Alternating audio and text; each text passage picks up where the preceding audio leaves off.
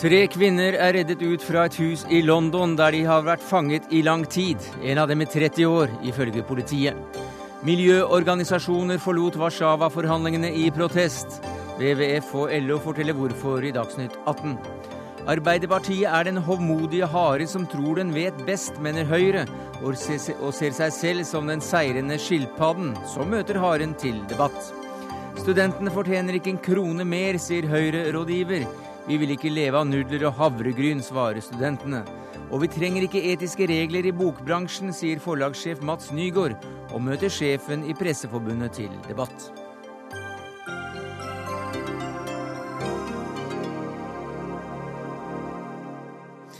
Ja, Det er noen av sakene i Dagsnytt 18 denne torsdagen, der vi også vurderer spillet om Ukraina og feirer at Burma-radioen forlater Norge og drar hjem. Men vi starter i London, der eh, to personer er arrestert mistenkt for å ha holdt flere personer som slaver.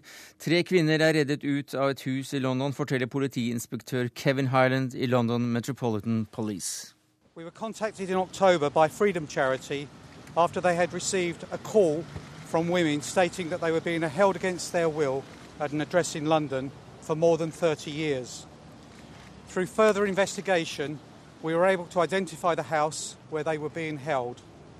With the help of sensitive negotiations conducted by the charity, three women, aged 69 year old from Malaysia, a 57 year old from Ireland, and a 30 year old British woman, were all rescued. Altså tre kvinner som har unnsluppet fra fangenskapet. Det var en telefon til en hjelpetelefonsentral som eh, mottok eh, en beskjed, og politiet fant fram til huset. Korrespondent Espen Aas i London, hva mer har kommet fram i ettermiddag? Altså man har uh, nettopp sluppet litt mer opplysninger fra Metropolitan Police, eller politiet, da de, eh, dette, disse tre kvinnene ble da reddet ut av et hus i Lambeth, som eh, ligger rett sør for London eh, sentrum. I nærheten av Brixton. De tre kvinnene skal ikke ha noen familierelasjon til hverandre. Det er jo allerede blitt stilt en del spørsmål med denne 30 år gamle kvinnen, om hun også har befunnet seg i huset så lenge. Politiet jobber ut fra den teorien nå, sier de. Eh, men om hun er født der, er eh, ikke helt klart. Men det virker som om hun har vært eh, i fangenskap, som politiet sier, gjennom hele sitt liv. Men politiet sier også at foreløpig så har de ikke funnet noe bevis for seksuelle overgrep på disse tre kvinnene. Kan du gjenta det politiet man hørte i begynnelsen her si om hvordan de ble oppdaget? Ja, Han snakket også om en uh, veldedig uh, organisasjon som heter Freedom Charity, som uh, jobber mot menneskehandel. De kontaktet politiet i forbindelse med en dokumentarfilm de jobbet med, hvor de da ble kontaktet av en kvinne som sa at hun var blitt holdt fanget i 30 år. Etter en del arbeid så fant de ut hvor dette var, altså i, i Lambeth, dette huset. Og det viste seg etter hvert at det var tre kvinner, en 69 år gammel malaysisk kvinne, en 57 år gammel irsk kvinne og denne 30 år gamle britiske kvinnen, som da var holdt fanget av et um, ektepar i slutten av 60-årene. Uh, ekteparet er nå arrestert, mens de tre kvinnene er flyttet til en, et annet sted hvor de mottar krisehjelp, for de er sterkt traumatisert, forteller politiet. Hva slags oppmerksomhet får dette nå i britiske medier? Nei, Denne saken eksploderte jo nå i uh, ettermiddag. Plutselig så kom det en ildmelding på BBC, deretter på Sky, The Guardian. Alle avisene sendte ut uh, hver sin uh, hastemeldinger etter at Metropolitan Police hadde fortalt om funnet av disse tre kvinnene. Og det er jo en veldig spesiell sak, selv om vi jo har sett lignende saker bl.a. I USA og på kontinentet. Men 30 år er jo fryktelig lang tid. Ehm, det politiet sier nå også forresten når det gjelder den yngste kvinnen på 30 år, og også de andre, er at de har hatt en form for kontakt med utenomverdenen. Altså de har ikke vært helt uh, isolert, men ganske uh, isolert. Men foreløpig har det vært begrensede avhør det har gjort med de tre.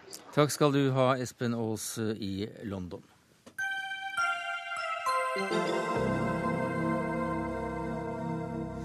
Norske miljøorganisasjoner har altså forlatt klimamøtet i Warszawa i dag, i protest mot eh, det de frykter kan bli en nærmest resultatløs eh, forhandlingsrunde. Reporter i eh, Warszawa, Eivind Molde, hva var det som skjedde i dag? Altså det første signalet om at et eller annet var i kom, eh, kom, i formiddag eller tidlig i dag. og Senere kom det mer og mer informasjon om at et eller annet var på gang. Og, og de norske samla seg, diskuterte nærmere en samordning av dette. Og så var det en pressekonferanse her, og så var det altså deretter en utmarsj i tur og orden. En 400-500 mennesker som etter den pressekonferansen Eh, rundt klokka 14 marsjerte eh, ut ned de mange lange trappene og korridorene her og, sto i kø for å komme seg ut. Så, eh, så det var en veld, veldig spesiell ting, og det har aldri skjedd for heller som dette på et slikt møte. Hva slags resultat ble det at de forlot, at de forlot salen? Ja, det, det, kan du jo lure på. Det er jo eh, litt tidlig å si ennå.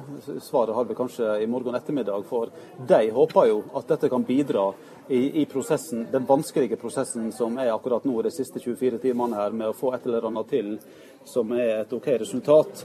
Eh, Tine Sundtoft, eh, klima- og miljøvernministeren, sa jo eh, rett etter dette på pressebrifen hun hadde, at hun håpa på at dette skulle være et positivt signal eh, og, og, og, gi ny energi. Hun sa jo også at, eh, at nå trengs det altså et, at det blir utvist politisk lederskap her. Eh, for å få dette til. Og Da håper jeg jo òg at eh, ja, kanskje dette kan, kan være et eh, bidrag.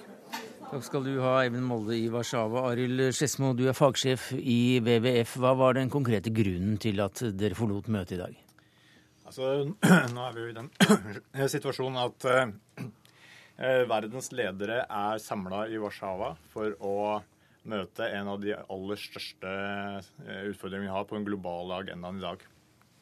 Eh, vitenskapen er krystallklar. Eh, vi har stø kurs mot globale klimaendringer eh, som vil forandre livet på jorda med enorme menneskelige lidelser til følge. Så er lederne samlet, og så er det ingen reell vilje til å forhandle fram en løsning. Mange land er kommet til Warszawa uten å ha som formål å finne en god løsning. Vi observerer at vertskapet, Polen, egentlig trekker, er lite interessert i å drive, drive den prosessen framover, men snarere driver en lobbykampanje for, for kullindustrien. Eh, vi ser at eh, store vestlige land eh, reduserer sine ambisjoner i forhold til hva de skal har tenkt å redusere av utslipp på hjemmebane. Så dette, dette går ikke. Det vi ønsker å oppnå med dette, er jo da å si fra høyt og tydelig at eh, vi har et sviktende eh, lederskap globalt. Verdens regjeringer og ledere som er samlet i Warszawa, gjør ikke den jobben de er satt til å gjøre. Det gjør ikke den jobben vi kan forvente at de gjør. Eh, og vi ønsker å mobilisere folk til å legge mer press på sine regjeringer i det som er igjen av tid nå. Ja, Hvor mange organisasjoner var det som forlot salen? Eh, jeg vet ikke akkurat hvor mange det var, men, men, for å korrigere deg litt på det du sa innledes sist. Dette handler ikke om norske eh, miljøorganisasjoner primært. Det handler om det globale sivile samfunn. Miljøorganisasjoner, utviklingsorganisasjoner, fagforeninger over hele verden som står samla i solidaritet med de som kommer til å oppleve de største konsekvensene av klimaendringene, og til dels allerede gjør det. De står samla går ut samla og prøver å si fra høyt og tidlig at nå må vi si, legge mer press på våre ledere. Nå forventer vi at de tar seg sammen og forhandler med reell vilje til å finne en løsning. Og det må de gjøre nå. Vi har kort tid. Anne Bette Skrede, klimarådgiver i LO. Dere forlot da også klimamøtet. Hva håper du å oppnå med dette? Ja, Det er riktig at fagbevegelsen også valgte å eh, protestere på den måten her. Um, vi ønsker jo primært å delta i en sånn eh, reaksjon fordi at vi ønsker å bidra til at eh, myndighetene våkner litt opp. Og håper at det skal være en måte å få et positivt eh, bidrag til at de kan ta seg sammen og begynne å levere løsninger. Vi opplever at klimaforhandlingene har stoppa helt opp. Faktisk så leverer de verken på mål om utslippsreduksjoner eller finansiering ikke på teknologideling, og heller ikke på den rettferdige omstillinga som en trenger for å komme i mål på en god måte. Mm. Det eh. vi eh, også satser på, det er jo at um, det polske presidentskapet og det peruvianske og kanskje også det franske presidentskapet vil se på dette her som en invitasjon til å komme oss i møte og prate med oss og invitere til samtaler om hva sivile samfunnet syns er viktig å vektlegge framover. Mm, ja, er det noen utsikter for det, Arild Skedsmo? Altså, igjen, Det handler om å komme til forhandlingsbordet med en vilje til å finne løsning på verdens største problem. Eh, alle er klar over hva de store utfordringene er. Vi vet hva som kommer til å skje. Vi vet hva vi skal gjøre for å løse det. Mm. Men skaper det dere har gjort i dag, noe ny dynamikk i systemet her? Det er eh, formålet med mm. det vi gjør. Eh, Får vi, vi se i morgen. Morgen kommer vel fasiten, for da skal det vel avsluttes. Og skal eh, legge press på regjeringen nå. Takk skal du ha, Skedsmo, fagsjef i WWF, Anne Beth Skrede, klimarådgiver i LO. Hør Dagsnytt 18 når du vil, på nettradio eller som podkast. nrk.no – dagsnytt 18.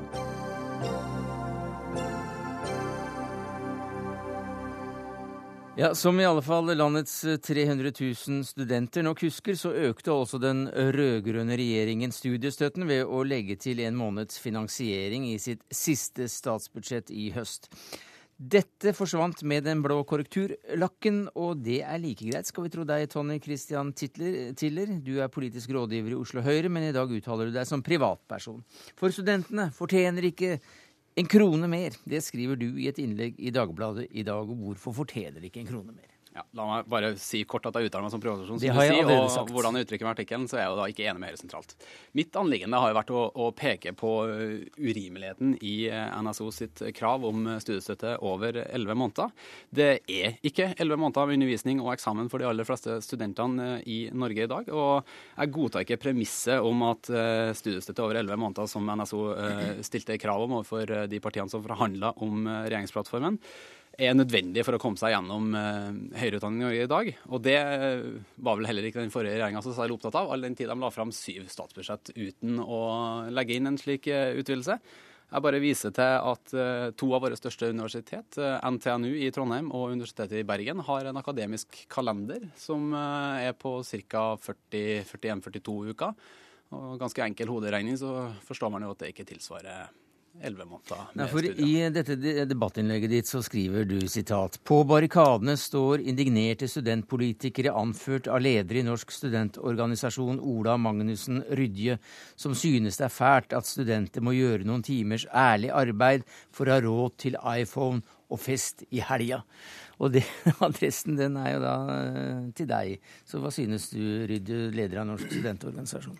Altså En ting er at eh, Tiller prøver å provosere meg i innlegget i dag, men det er egentlig ikke er så veldig opptatt av. Eh, det jeg syns er langt verre, er at han eh, setter 230 000 hardtarbeidende studenter i en bås med påstanden om at studiestøtte handler bare om økt forbruk, og at vi skal ha fest i helga. Jeg får egentlig ikke sagt det tydeligere. For meg og for norske studenter så handler studiestøtte om at vi ønsker tid og rom til å studere, sånn at vi får utnytta evnene våre, ambisjonene, talentene våre og, viljen vår til å studere. Og så Det er sånn i dag at hvis du ikke har foreldre som kan støtte deg med penger, eh, så er du nødt til å jobbe mm. Eh, veldig mye ved siden av. Og det er et kvalitetstruende hinder for eh, utdanningen vi tar.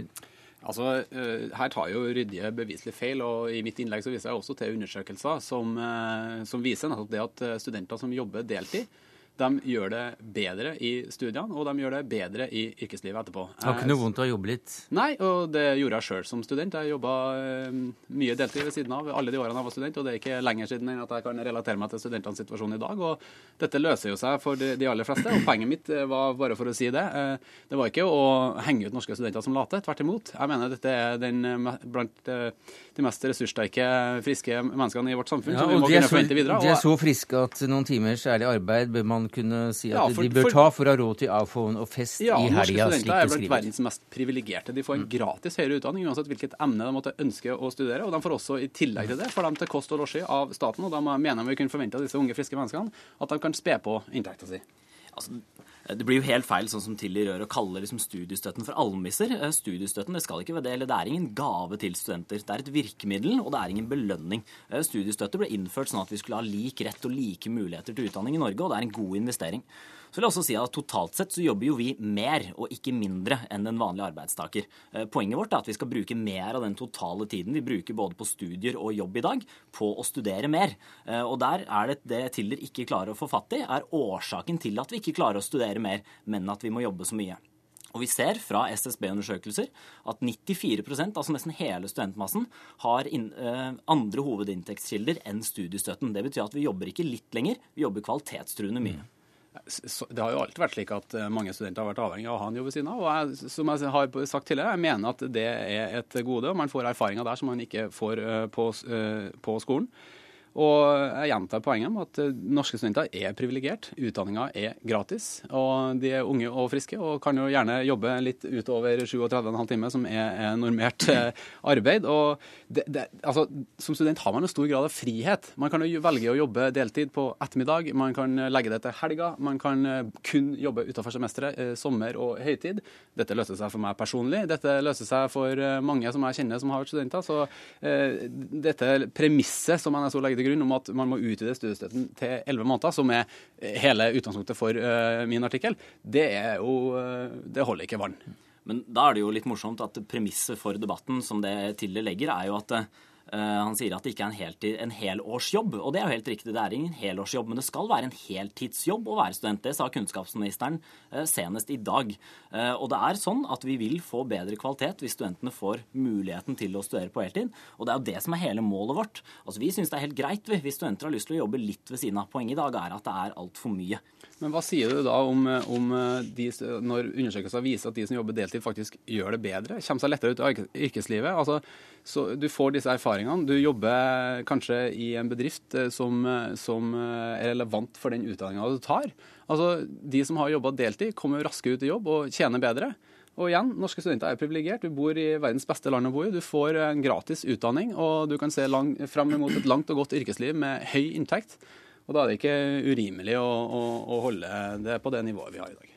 Nei, men altså nå er vi igjen bare tilbake om, eh, om graden av det og mengden på det. I dag mener vi det er altfor mye. Det mener også regjeringen, KrF og Venstre, som har sagt at de skal øke studiestøtten ytterligere, sånn at vi skal ha muligheten til å studere på heltid uten å ha den deltidsjobben ved siden av studiene mens vi studerer. At vi jobber litt om sommeren eller litt ved siden av, det er på en måte helt greit. Eh, men, men i dag er det for mye? I dag er det altfor mye. Og vi ser også at fire av ti norske studenter er avhengig av å få hjelp hjemmefra, f.eks. Det betyr at vi har ikke lik rett til utdanning lenger i Norge. Seks av ti studenter jobber hele året ved siden av, eh, og da i snitt ti timer. Så dette er ganske mye også i tillegg. Ja, men altså, det løser jo seg åpenbart. Altså, jeg anerkjenner at det kan være trangt, men eh, de fleste finner jo løsninger på, på, dette. Og jeg vet at det blir litt sånn anekdotisk, men jeg er jo fortsatt en ung mann sjøl som eh, kan være på utelivet i denne byen og, og se eh, studenter som i hvert fall ikke, sånn som jeg ser det, lir noen nød. Så Og med nye iPhoner i lomma? Med nye iPhone i lomma og Macbooks og i det i hele tatt. Og poenget mitt er at dette har jo alltid løst seg, og det vil det fortsette å gjøre. Dere har det godt nok? Ja, men et poeng er, altså For oss handler ikke dette om forbruk, det handler om kvalitet i utdanning. Mm. Og det er greit, Vi er begge unge mennesker, vi har studert på NTNU i det samme tiåret. Men faktum er at da Tiller studerte i 2003, så var studiestøtten nesten 1,5 ganger grunnbeløpet i folketrygden. I dag er den 1,1. Det betyr at i dag så ville jeg hatt 30 000 mer hvis jeg skulle hatt det samme som det Tilder hadde da han studerte. Så det er mulig det er at tiden har beveget seg, at det har gått ganske fort. Men det betyr at han hadde mye mer da han studerte.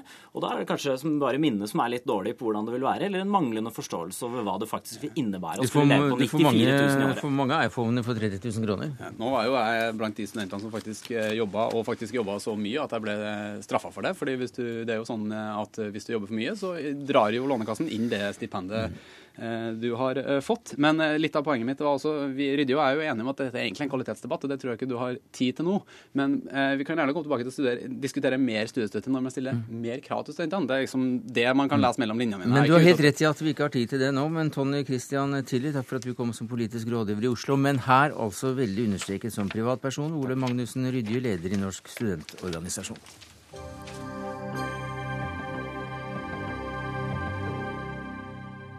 Ja, det har vært eh, framstilt som et særdeles spennende sjakkparti, dette spillet om Ukraina. EU har i lengre tid tilbudt eh, landet en omfattende avtale på visse betingelser. En av disse var at opposisjonslederen eh, Timosjenko skulle løslates for om ikke annet å få legehjelp i et annet land. Signeringen av avtalen var eh, utsatt med siste frist 28.11. i påvente av nettopp en slik løslatelse.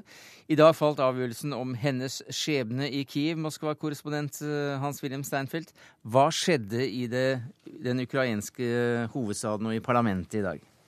Ja, I den ukrainske Rada eller nasjonalforsamlingen ble det fremmet seks lovforslag som alle tok sikte på at det skulle bli mulig å løslate Julia Timosjenko, tidligere statsminister, og sende henne til Tyskland for behandling. Eh, dette disse forslagene falt, og president eh, Viktor Janukovitsjs parti stemte ikke for ett av forslagene, til tross for at hennes løslatelse var et ufravikelig krav fra EUs side for en assosieringsavtale. Det har vi både formannskapet og Angela Merkels ord for. Ja, hvorfor skjedde dette? Hadde Julia Timosjenko sluppet fri, ville hun blitt en livsfarlig politisk utfordrer for den sittende russisk-etniske president Viktor Janukovitsj til presidentvalget i Ukraina i 2015. Det er nok denne schizofrene atferden til Ukrainas president eh, den må forklares nettopp med frykten for å miste makten. Men Russland har også spilt en rolle her? I høyeste grad. Um, for 13 dager siden var Janukovitsj på hemmelig besøk i Kreml hos Putin. Da var beskjeden inngår dere avtale med EU, så mister dere tilgang til et, en tollunion på 170 millioner mennesker. Russland, Kasakhstan, Hviterussland.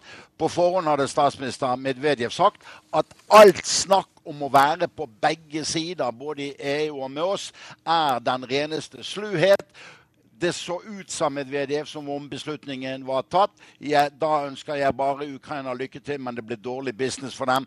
I dag fulgte nasjonalforsamlingen oppfordringen fra arbeidsgiverforeningen i Ukraina om å utsette hele dette forsøket på et sprang mot vest og en avtale med EU. Takk skal du ha, Hans-Wilhelm Steinfeld, vår mann i Moskva. Tor eh, Bukkvold, du er seniorforsker ved Forsvarets forskningsinstitutt, og dette er også ditt eh, område. Hva var det som eh, har stått på spill denne uka? Vi trodde veldig lenge at det var Timosjenko-saken som, som, var det avgjørende. Eh, og den var nok Den spilte en rolle. Men det som er kommet fram i dag, og det her, det her, skjedde ganske fort da, altså Jeg tror veldig mye har blitt bestemt i løpet av dagen i dag. Men det som nok har skjedd i dag, er at uh, det har kommet fram uh, fra ukrainske politikere i etterkant av, det at avgjørelsen var tatt om å stoppe der, eller om å sette inn en pause i prosessen, at man har forhandla med EU om å få en form for kompensasjon for de økonomiske tapene som Ukraina ville gå på, ville gå på hvis man eh, signerte assosieringsavtalen. Og det har man ikke fått. Så man har rett og slett vært, fått kalde føtter i løpet av dagen og stoppa det her. Og nå har den ukrainske regjeringa sagt at man tar en formell pause i det arbeidet, men at man vil fortsette med det senere. Og så håper nok da den ukrainske regjeringa enten at EU skal gå med på mer form for sånne kompensasjoner, alternativt at man kan forhandle med Russland om å få at Russland ikke reagerer så strengt hvis man underskriver senere. Så de vil også, landet vil ha kompensasjon for tapte inntekter eh, fra et samarbeid med Russland? Ja, så Stenfeldt nevnte ordet, nevnte ordet schizofreni, og jeg tror det er litt, man vil ha begge deler. Man vil ha i pose og sekk. Men det er da også snakk om at Ukraina skal få tilgang til et uh, til en handelsorganisasjon, eller eh, Den er vel ikke helt ny, denne, denne planen her, men eh, hva slags organisasjon er det? Nei, Det som er snakk om i forhold til EU, er en assosieringsavtale. som er den Nei, Nå tenkte jeg på østover. Også. Ja, riktig. ja. Tollunion er en tollunion foreløpig mellom Russland, Hviterussland og Kasakhstan. Eh, markedet der er jo da for så vidt naturlig for Ukraina. Samtidig så er det mye mindre enn markedet i vest. Og faktisk så er det sånn at de som i stor grad har drevet fram denne prosessen på ukrainsk side, er det ukrainske oligarkene som betaler for det politiske partiet til Janukovitsj. De selger i hovedsak kjemisk produksjon og metall, og de har sine markeder i vest. Så de er ikke så interessert i de her markedene i øst. Så det er nok dem som foreløpig har tapt, men som ikke har gitt opp kampen. Mm. Så presidentens mann men eh, vil gjerne ha eh, en tilnærming til EU. Ja. Men presidenten selv er livredd hva som skjer hvis opposisjonslederen blir, blir, fri. Det er det ene. Nå vet ikke vi hvor sterk Timosjenko lenger er, for at Timosjenko har ikke den folkelige støtten hun en gang hadde. Men det er nok også sånn at Janukovitsj vet at han nå har veldig lite støtte i befolkninga, for økonomien går så dårlig. Og hvis man har fått et sånt krasj mot økonomien pga. Eh, handelsrestriksjoner fra Moskva, så ville det gjort det enda vanskeligere antagelig å vinne presidentvalget i 2015. Vi hørte uh, Steinfeld uh, si her at uh, Eller kalle dette et, et at dette sprang mot vest er nå foreløpig lagt på is, og ifølge Stavanger Aftenblad er dette sett på som en avgjørende test på hvorvidt EUs forsøk på å knytte en rekke tidligere sovjetrepublikker tettere til Europa skulle lykkes. Ja, det, det er sant, men jeg tror ikke du skal legge altså, Ingenting er avgjort for alltid med det som har skjedd i dag. Jeg tror fremdeles Ukraina nok vil søke vestover, men som vi var inne på, de vil ha i pose og sekk, og så går kanskje ikke det. Det er egentlig det mest avgjørende her nå er hvordan EU reagerer, hvor stor tålmodighet EU har i forhold til Ukraina. Den er nok kanskje tynnslitt og om EU egentlig har tida til å drive med det her spillet att og fram med Ukraina i all evighet. Så man kan risikere her at ukrainerne har forspilt en sjanse, i hvert fall for noen år framover. Og den sjansen har Georgia tatt, blant eh, andre som har fått en, eh, om ikke tilsvarende, så i hvert fall en lignende en lignende avtale? Ja, Georgia er en helt annen situasjon. Det er et mye mer enhetlig land. De har ingen illusjoner i forhold til Russland. De, det er ikke så lenge siden de førte en krig med Russland, så der er det på en måte eh, Linjene er mye klarere i den georgiske politikken enn den i den ukrainske. Mens uh, Armenia måtte til slutt si nei til EU? Ja, og Armenia har et helt spesielt forhold til Russland. Eh, både ikke minst sikkerhetspolitisk, men også økonomisk, som gjør at eh, de er i en helt annen situasjon. De, de, jeg tror Armenerne har ikke det samme valget som kanskje ukrainerne har. Men hva slags avtale er det da Ukraina nå går glipp av, tilsynelatende? Først og fremst så handler det om fri tilgang til europeisk marked. Så hadde det òg ligget i avtalen etter hvert at, det kunne komme fram, at man kunne framforhandle visumfrihet for ukrainere til Schengen-området. Mm -hmm. Noe som ville vært veldig populært i Ukraina, selvfølgelig. Men det er først og fremst denne tilgangen til det europeiske markedet. Og det som òg var sagt, var at hvis det hadde vært en underskrift, så, det, så har ikke avtalen skjedd i kraft før alle EU-land hadde ratifisert den. Men det lå i avtaleteksten at den skulle begynne å gjelde sjøl før de forskjellige EU-landene hadde ratifisert. Men det var ikke bare denne løslatelsen som EU satt som premiss for uh, betingelse for, uh, for at avtalen skulle trå i kraft? Nei, det var en del andre lov, eh, lovregler, bl.a. i forhold til domstolsmyndigheter i Ukraina, i forhold til valglovgivninga.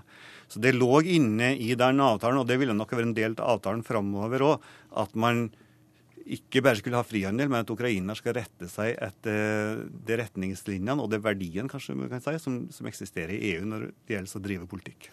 Eh, Steinfeld, du er fremdeles med oss? Ja, i høyeste grad. Ja. Du, hva er, det, hva er det Russland var redd for i denne saken?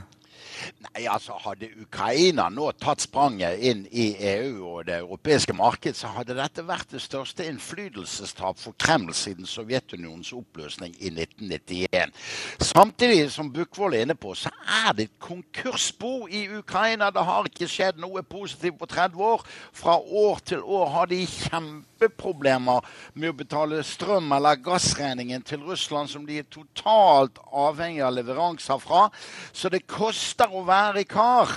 Og det spørsmål om ikke Janukovitsj og Putin for 13 dager siden ble enige om dette. Eh, for det var jo underlig at Viktor Janukovitsj utfordret russerne tilsynelatende så sterkt denne høsten, for så å chicken out og stikke halen mellom beina og ikke stemme overhodet da det kom til stykket i nasjonalforsamlingen. Og det er klart at det kompromitterer Ukraina som partner og stat voldsomt. Og det er helt utelukket, slik jeg kan analysere det, at EU skulle gi Ukraina en likeverdig status med Russland i en trekantsamarbeid som regjeringen i Kiev i dag, i dag foreslo. Og presidenten i Litauen sa at det tar minst to år før EU har tid til å snakke med Ukraina igjen. Antagelig i lengre tid. Og som datteren til Julia Timosjenko sier på mediene i kveld, hun har møtt moren Ukraina var simpelthen ikke parat til å omfavne liberale vestlige ideer. Og dette kan bli et problem i Ukraina, for når jeg er i Kiev, merker jeg en langt mer positiv holdning til vest på gatene i Kiev og på Maidanplassen mm. enn i russiske byer. Ja, det, det, er helt riktig. Ukraina Det er ganske vesentlig å få med seg her at Ukraina har eh, som land for så vidt bevega seg bort fra Russland jevnlig hele tida. Befolkninga gjør det. et flertall i befolkninga for en, eh, en vestintegrering. Ikke noe stort flertall, men det er et flertall. Så det er en, en bevegelse mot vest for det landet. Men så har du egeninteressene til den eliten som sitter på toppen, som skal spille med i bildet. Og dem kan eh, føre til at du plutselig får sånne mm. reverser som vi har fått i dag. Men eh, presidenten er også etnisk russisk? Ja. Har det, det noe å si? Ikke så mye, tror jeg. Det er klart at det er, en, det er, stor, sånn, det er et stort skille i Ukraina mellom øst og vest, med en russiskdominert øst og et eh, veldig mer nasjonalistisk vest. Men så har du et stort Sentral-Ukraina i midten som kan gå begge veier. sånn at det er ikke Generelt så handler politikk i Ukraina hovedsakelig om penger, ikke om ideologi. Uansett spennende for det geopolitiske landskapet i, i fremtiden også. Takk skal du ha i, fra Moskva, Hans-Wilhelm Steinfeld. Tor Bukkvold her i studio, seniorforsker ved Forsvarets forskningsinstitutt.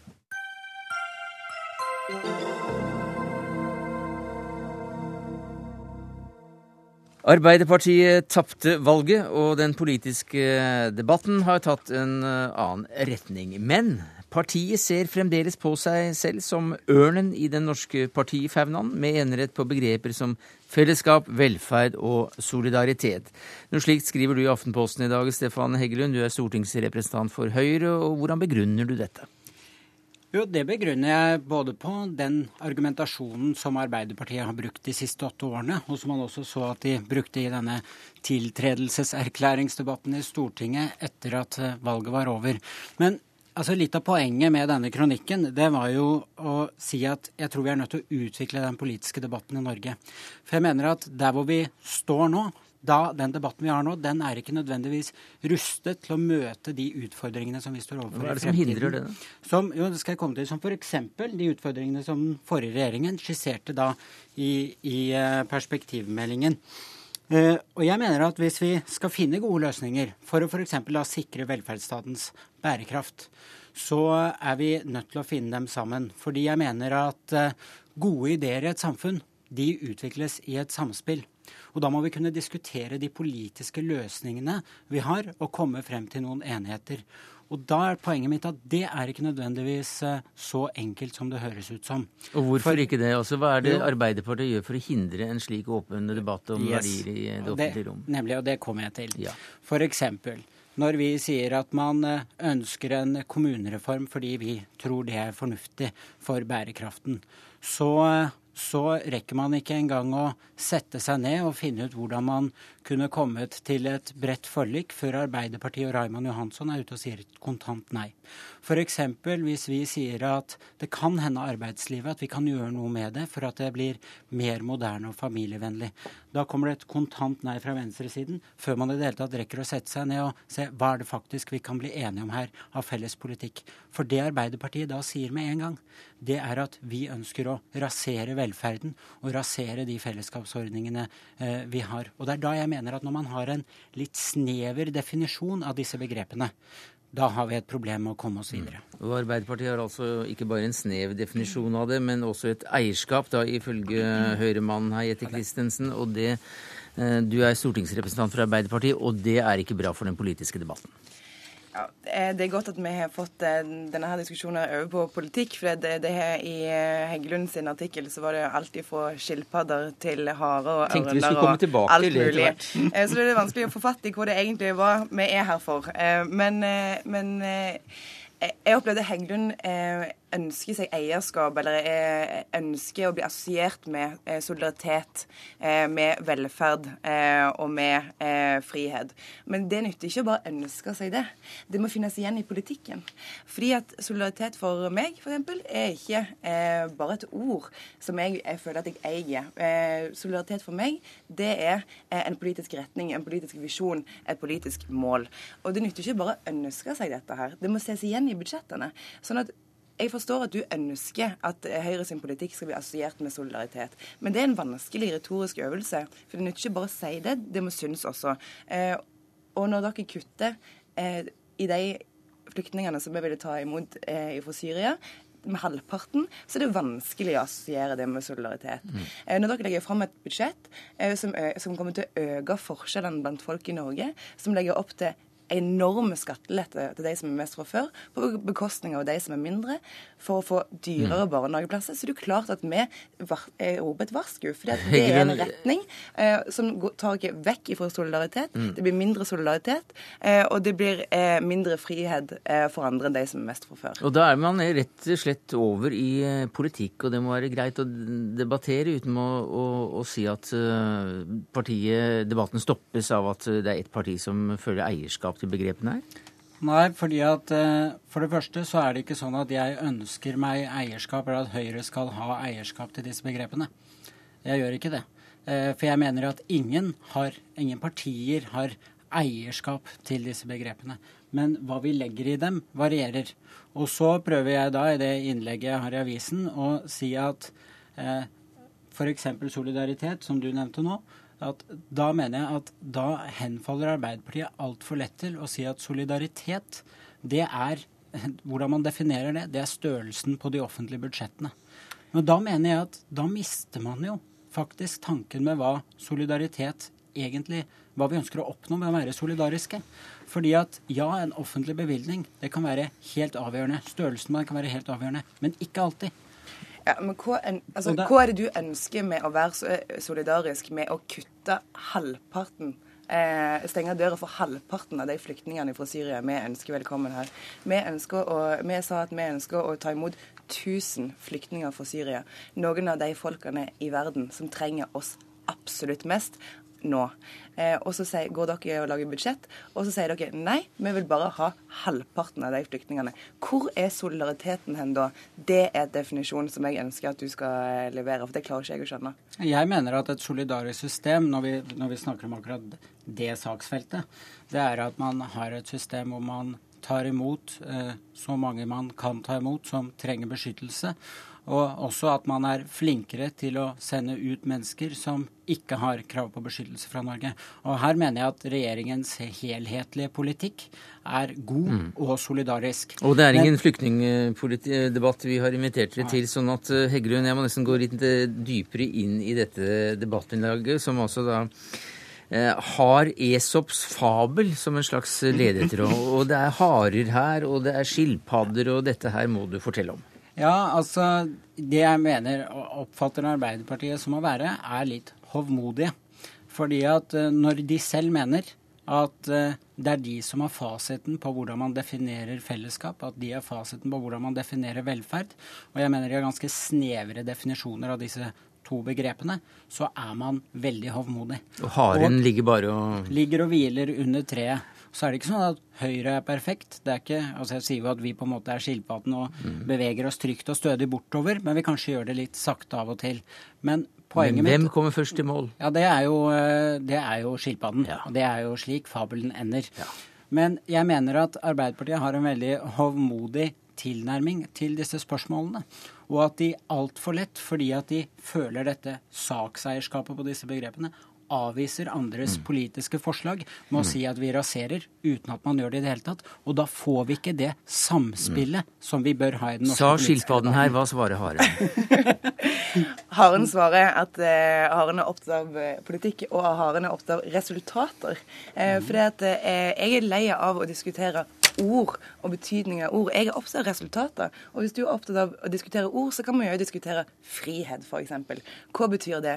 Jeg mener at det budsjettet dere legger fram, begrenser friheten eh, og begrenser fellesskapet. For det begrenser eh, familier sin eh, valgfrihet, og det begrenser familier sin frihet når dere skaper dyrere barnehageplasser, når dere kutter pappapermen. Det er et eksempel på de diskusjonene vi kan ha ut ifra de begrepene som du legger, eh, bringer til torgs. Men du og Høyre må nødt for å forstå at grunnen til at eh, vi reagerer eh, når du eh, sier at du ønsker deg eierskap til eh, solidaritetsbegrep og et velferdsbegrep, er fordi at vi er uenige med måten dere definerer det på. Og selvfølgelig er vi det. For jeg syns ikke at kutt i flyktninger hører hjemme i en solidaritetspolitikk. Jeg syns ikke at øke, økte forskjeller mellom folk hører hjemme i et frihetsbegrep. For i mitt frihetsbegrep så er det sånn at vi skal unna hverandre lykkes, og vi skal dele på de godene vi har. Og vi skal legge til rette for at de store fellesskapene skal funke mm. i de små, det, og omvendt. Er det så håmodig det, da? Nei, men akkurat sånn som hun nå definerer det, så langt er vi helt enige. Mm. Men det er når man skaper begrensninger på f.eks. fellesskapsbegrepet. At jeg sier at da er det snevert. Ta f.eks. måten Arbeiderpartiet ofte snakker om privat sektor på. Vel, nå ser vi at vi har i privat sektor, ikke en helt ny, men en relativt ny sektor i Norge. Og det er det man kaller for sosialt entreprenørskap.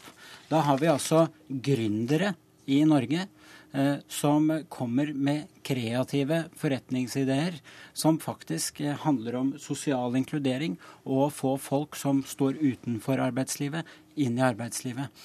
Og Da blir det for meg litt meningsløst når man sier at privat sektor, og det å, det å, være opptatt av at eh, de fellesskapene man også har i privat sektor, som vi anerkjenner, eh, vil, er utfordringer for den offentlige sektoren, eller det offentlige fellesskapet. Snarere tvert imot så mener jeg at uh, her viser man et eksempel på hvordan privat sektor og fellesskapene som mm. skapes der, kan være med på å gjøre offentlige velferdsordninger Jeg tror vi lar også den debatten ligge. Vi, vi ja, ja, men da får vi et større fellesskapsbegrep ja, enn det vi, det, det Arbeiderpartiet Vi vet jo at Høyre mener det, men jeg vil tilbake mot slutten her til akkurat denne formen som du mener dette tar. For du, du sier eller skriver at det er lettere å debattere med SV enn med Arbeiderpartiet? Hvorfor det? Altså Min opplevelse det er at ofte så er det en større ideologisk forståelse for den uenigheten som er mellom høyre- og venstresida i f.eks. SV og i f.eks. Rødt, enn det det virker som om det er i Arbeiderpartiet. Og da mener jeg at... På grunn av hovmodet? Pga. det hovmodet som jeg mener sitter ganske godt befesta i, i Arbeiderpartiet. Haren får uh, ikke siste ord i dag. Du får uh, løpe fort av gårde. Jette Christensen, stortingsrepresentant for Arbeiderpartiet. Steffen Heggelund, stortingsrepresentant for Høyre. Fortsatt uh, godt race.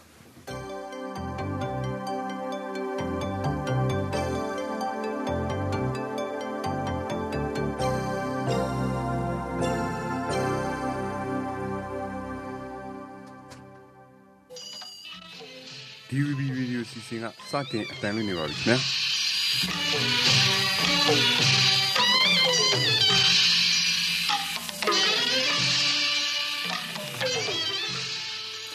Ja, slik åpner Democratic Voice of Burma sin radiosending nå i kveld. Og det er da på en kveld der man markerer at eh, stasjonen forlater Norge etter 21 år i eksil. I kveld er det avskjedsfest, og du er egentlig med på denne festen, Audun Ågerud, daglig leder i Burma-komiteen, men du har tatt vorspielet her i Dagsnytt 18.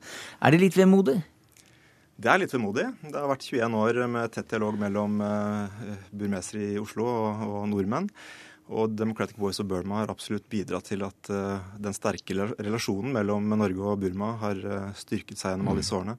Så det er klart det er litt vemodig, men det Årsakene veier vel opp ganske hindrer, kraftig. hindrer oss ikke å ha en god fest i kveld på bakgrunn av det de har gjort. Eh, nå er Radio eh, Burma eh, etablert i både Burma, eller Myanmar, da, og, og Thailand. Hva slags fremtid ser du for denne radiokanalen, radiostasjonen? Nei, For det første så kommer de jo nærmere kildene sine ved å flytte inn til Burma. Og det er jo noe alle journalister ønsker, å kunne være tettest på kildene. Og kunne også være med å bidra til en eh, definisjon av mediene i, Burma. Altså det er klart Dette er eh, medier in spe, et propagandamaskineri som eh, nesten savner sidestykke. Og det er klart Man trenger å endre kulturen, og det kan Democratic Voice of Burma absolutt bidra til. Da. Og Vi ser også at myndighetene i Burma og informasjonsdepartementene ser mot DVB for å lære hvordan man skal drive journalistikk. Etter en omvisning her i Oslo, i, i deres lokaler. Etter en omvisning her i Oslo ja. hvor Democratic Voice of Burma inviterte Informasjonsdepartementet hit for å lære både public broadcast, allmennkringkasting her hos dere, og også en del medieetikk hos andre mm. i, i Oslo. Men fremdeles så fengsles journalister i landet? Ja, det er klart. Man uh, har jo kommet veldig kort uh, relativt sett i, uh, i medieutviklingen. Det er åpning for mediene nå, særlig innenfor skrevne ord.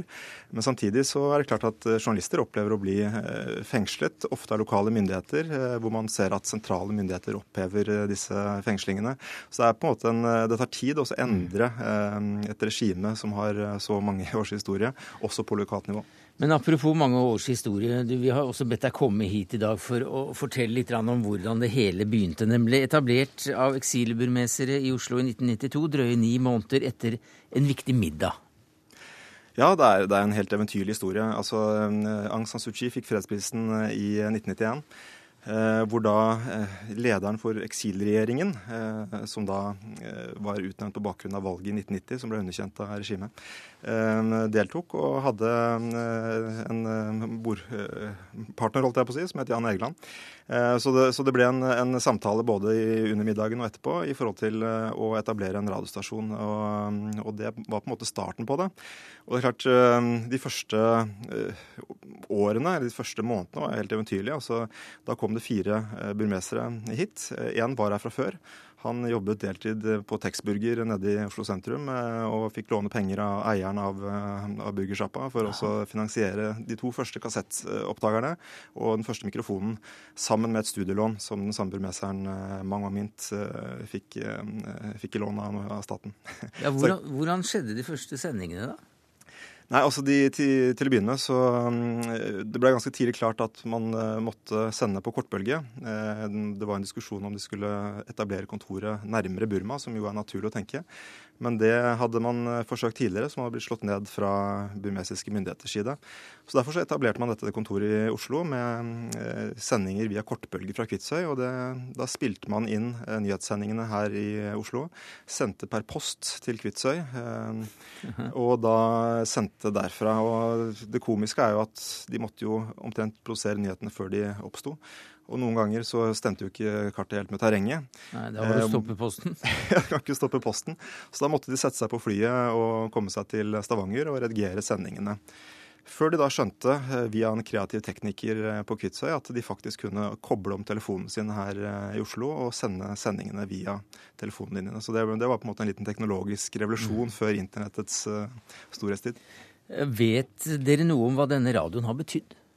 Ja, det vet vi ganske mye om. Eh, det er jo sparsommelig med, med god nok eh, statistisk materiale i forhold til lyttere i Burma, men man vet at uh, Democratic Voice of Burma har hatt gjennom alle disse årene helt utrolig gjennomslagskraft.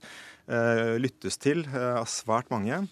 I tillegg til at det er den eneste burmesiske radiostasjonen som drives av burmesere. Eh, det har vært mange eh, andre radiostasjoner som har eh, sendt burmesiske nyheter, men dette er på en måte et eierskap som ligger hos burmeserne selv. Eh, og man har hatt en enorm betydning som den, en av de få aktørene som sender usensurerte nyheter inn til Burma gjennom alle disse mørke årene, og har desto større potensial i disse årene som kommer nå, som mm. ser litt lysere ut. Ja, for eh, til og med ministre i regjeringen har jo uttalt eh, i, i Myanmar også at de hørte på radioen da de vokste opp. Ja, også selv ministre hører på radio smug, tydeligvis. Så man kan jo godt sammenligne Democratic Voice of Burma med eksilradioen fra London under andre verdenskrig. Så det har vært en utrolig viktig kilde for informasjon.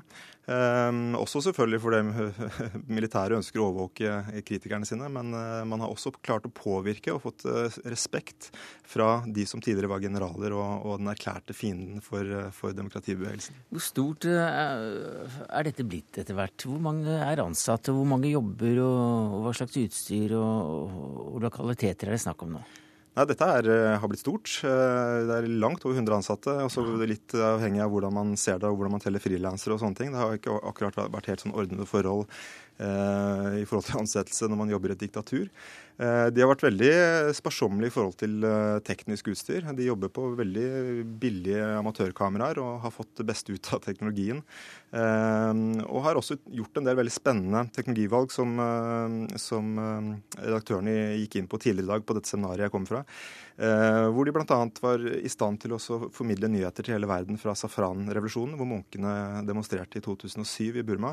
Så på en måte har de vært sparsommelige på teknologien, men har likevel fått det beste ut av det. Så det er klart Eh, man har eh, dette er litt sånn ryggsekkjournalistikk eh, på høyt nivå, som har fått en enorm gjennomslagskraft. Som også startet pga. en snill hamburgerkjedeeier, eller butikkeier, og noe studielån. Og, og det var det. Hvordan finansieres det i dag?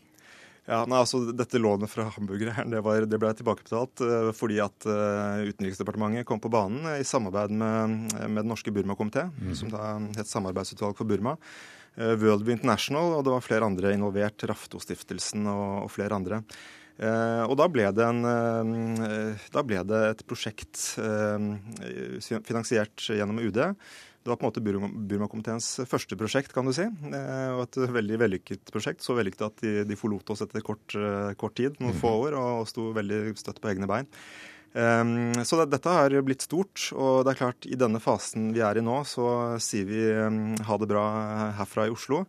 Uh, men det er på ingen måte en avslutning. Det er, selvfølgelig heller en begynnelse. For det er nå de virkelig kan få valuta for alle mm. disse årene hvor de har jobbet uh, veldig hardt og godt med journalistikk. Og i kveld er det avskjedsfest? I kveld er det avskjedsfest. Gratulerer med dagen, får man vel si, da.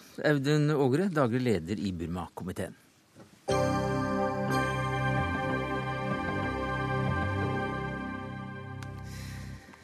Ja, Etter utgivelsen av Marit Christensens bok om moren til Anders Behring Breivik, så har også debatten om etiske retningslinjer i bokbransjen også rullet og gått her i Dagsnytt 18.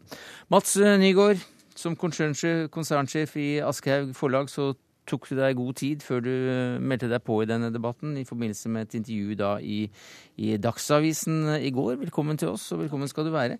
For til avisen så sier du at et PFU for bokbransjen, som vi også har i pressen, vil være uheldig. For hvem? PFU for, eh, for boken vil ikke bare være uheldig, men være veldig vanskelig å gjennomføre. Eh, og eh, heller ikke i tråd med det som var intensjonen, nemlig å sikre høy og god etisk standard blant bøkene. Eh, derfor så er det sånn at jeg ønsker jo at vi har en god etisk debatt omkring bøker og bokutgivelser i Norge. En debatt som sikrer at vi forvalter ytringsfriheten på en god måte. Men jeg ser ikke at det er formålstjenlig med verken regler eller PFU. Hvorfor ikke? Eh, ja, Det er jo flere grunner til det, for så vidt. Eh, for det første så er det viktig å huske på at boken er, eh, i motsetning til det som PFU, altså den ordinære PFU-ordningen, regulerer PFU, også Pressens faglige utvalg. For, nemlig. Mm. En helt annen uttrykksform. Boken. boken er for det første en kunstform og en, et, et, et verk som Eh, kommer til over tid og, og, eh, og, eh, og, fungerer og blir skilt på helt andre måter enn det avisen f.eks. eller radiokanalen blir det. Dernest så er jeg jo veldig redd for at PFU for boken vil virke innskrenkende. Mm. At, at, det vil virke på en uheldig måte på det som jo er bokens primære oppgave, nemlig å utfordre oss og utvikle oss. Ja, Du vil ha mer av det, du? Enda dristigere ja, prosjekter? Ja, det, det syns jeg definitivt at det må være et, et, evig, et mm. evig, mål.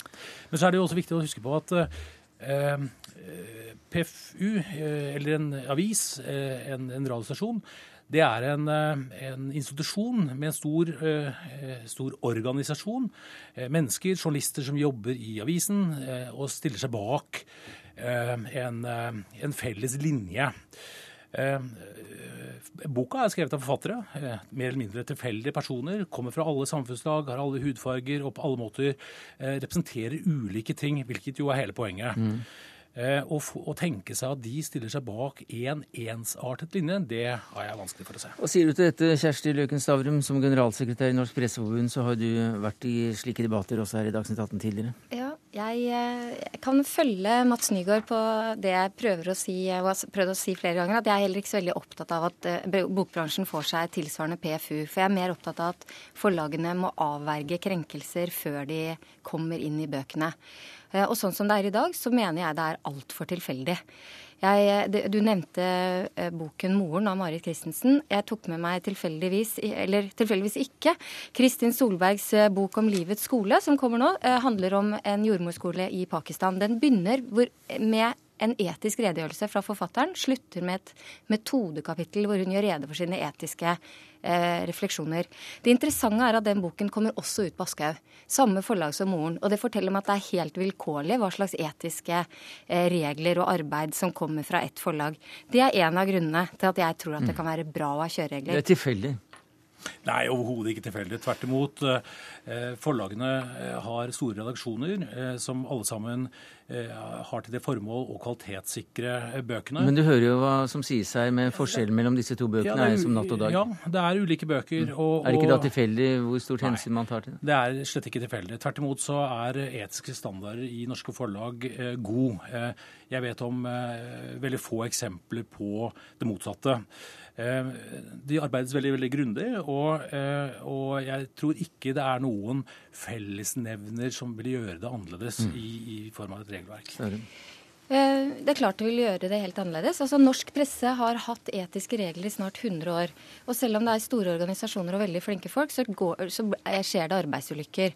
Eh, det gjør det i bøker også, tror jeg. Eh, eller jeg mener det skjer arbeidsulykker i bøker. Og særlig fordi at vi nå gjennomlever en trend som heter virkelighetslitteratur, hvor veldig mange bærer på den ene boken når de har lyst til å skrive om sitt liv. og, og Dessverre så involverer det noen andre som aldri har søkt oppmerksomhet eller, eh, eller, innflytelse, men de blir på en måte offer for en bok, da.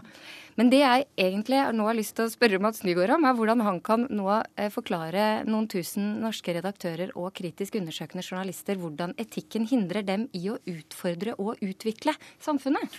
Det tror jeg er en grå misforståelse. Ja, for du sa nemlig det at etikk for nei, bøker ville hindre nei, bøkene i det. det innskrenke. Innskrenke, sa du. Jeg, jeg sa etiske regler eller PFU, ville innskrenke dette. Eh, eh, jo, men det blir det samme nei, spørsmålet, vet du. Hvordan er det etikken begrenser eh, pressen? Etikken begrenser ikke pressen. Jeg håper at pressen legger etikk til grunn, hvilket man jo også gjør i bøkenes verden. Etikk, det er den samme etikken som gjelder for bøker som for aviser. Eh, og, og, eh, den som måtte tro at eh, man prøver å fraskrive seg noe etisk ansvar i, i, i, dette spørsmålet, den tar helt feil.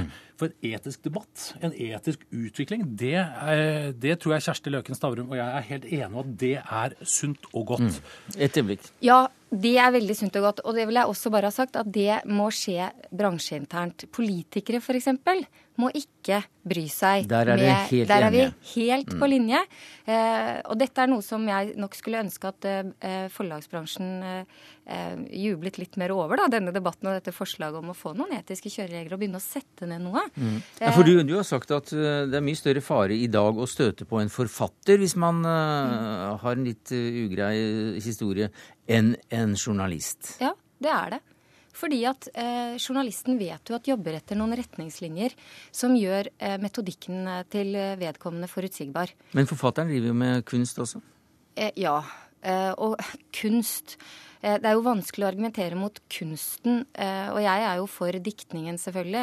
Men, men, jeg blir litt mer urolig når det er ekte mennesker og ekte menneskers liv. Og særlig som sagt mennesker som aldri har søkt makt og innflytelse.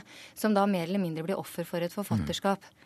Da kunne det vært greit med noen etiske regler i ja, bånn også der. Ja, og, men primært fordi at en, eh, som forfatter eller som journalist, så er det å ha noen etiske regler eh, å se til, det avverger arbeidsulykker, og det styrker deg når du står overfor vanskelige valg. Mm.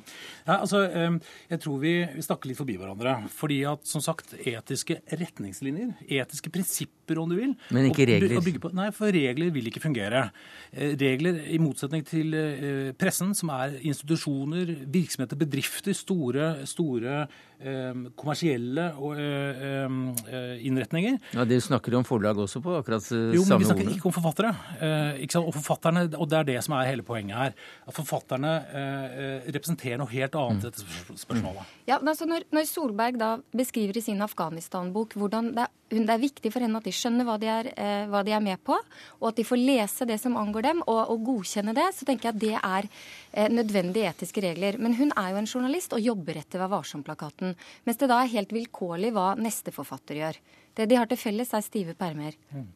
Altså Det som jo er et eh, praktisk spørsmål, i og med at dette med bok-PFU er reist mm. som mm. tematikk, og ganske kort. Eh, så, så, lurer jeg på hvordan det rent praktisk skal kunne organiseres. Mm. Hvem skal utnevne, hvem skal sitte, hvem skal Har du noen korte svar på det? Ja, ja, og Det er derfor jeg mener at forlagene skal bare la det spørsmålet ligge. Okay. De skal bare jobbe ut Ja, det har jeg prøvd å si opptil flere ganger, men jeg syns dere skal jobbe ut noen retningslinjer, eh, og starte der. Eh, og så kan det være at, at folk som kjenner en forfatter, kan sove bedre om natten debatten. da får vi håpe at det blir mange gode netter. Her eh, Kjersti Løken Stavrum for Folk flest, generalsekretær i Norsk Presseforbund, Mats Nygaard, konsernsjef i Aschhaug Forlag. Takk skal dere ha.